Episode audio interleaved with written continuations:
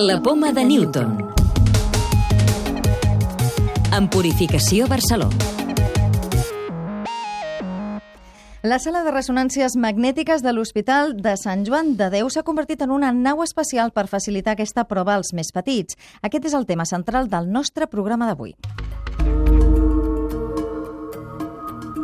L'escàner que l'hem convertit en un coet. Tota l'ambientació de la sala és una, una nau de l'espai, no? amb les seves entrades, els estels, el cel del fosc, i no, no sembla que estigui entrant a l'escàner, allò és un, és un espai com d'un conte.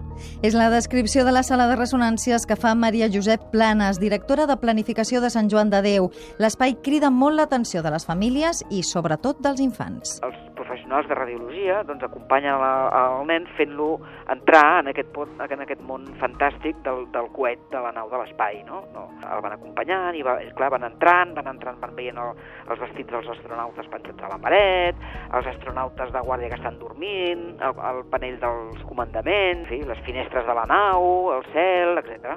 La decoració s'ha fet amb vinils de làtex i impressions digitals dissenyades per HP i és una de les accions de l'hospital per adaptar tots els espais del centre al món dels infants. Ho han pogut fer gràcies a una impressió que tenen especial que no porta, no porta residus o no porta no sé quines coses que si no en un hospital tampoc ho haguessin pogut fer. Vull dir que ha sigut la conjunció de moltes coses que ha permès que això tirés endavant. La gran voluntat d'ells, que es van prendre aquest projecte amb una il·lusió tremenda, la filosofia de l'hospital que acompanya que aquestes coses puguin ser possibles, no? que aquí res de tot això està prohibit part de tota una, una filosofia que envolta el model d'atenció que tenim aquí des de fa molts anys. Estem intentant convertir l'hospital en un lloc que no sembli un hospital en els ulls de l'infant, no? intentant fer un hospital un lloc més amable, més acollidor, on els nens es puguin distreure, que hi hagi llum, que hi hagi color, etc etc.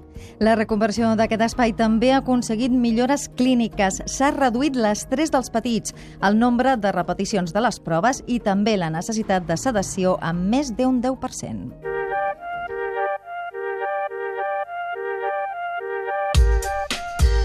També destaquem que un estudi finançat per la Marató de TV3 i Catalunya Ràdio identifica una proteïna que podria ser útil en el tractament de l'ictus. Aquest eh, equip de recerca de la Universitat de Barcelona ha comprovat com la proteïna podria reduir la mort neuronal en les fases tardanes d'un infart cerebral. Nou mètode per predir espècies invasores. La tècnica es basa a comparar la morfologia de l'espècie exòtica i la nativa. L'han desenvolupada científics espanyols, italians i americans amb la participació de l'Institut de Ciències del Mar de Barcelona i de la Universitat Pompeu Fabra. Es detecten per primera vegada molècules d'un gas noble a l'espai. La troballa l'han fet astrònoms del University College de Londres. Concretament han trobat hidrur d'argó a la nebulosa del Cranc. La investigació permet avançar en el coneixement de les reaccions nuclears que es produeixen quan mor una estrella. La clau de volta.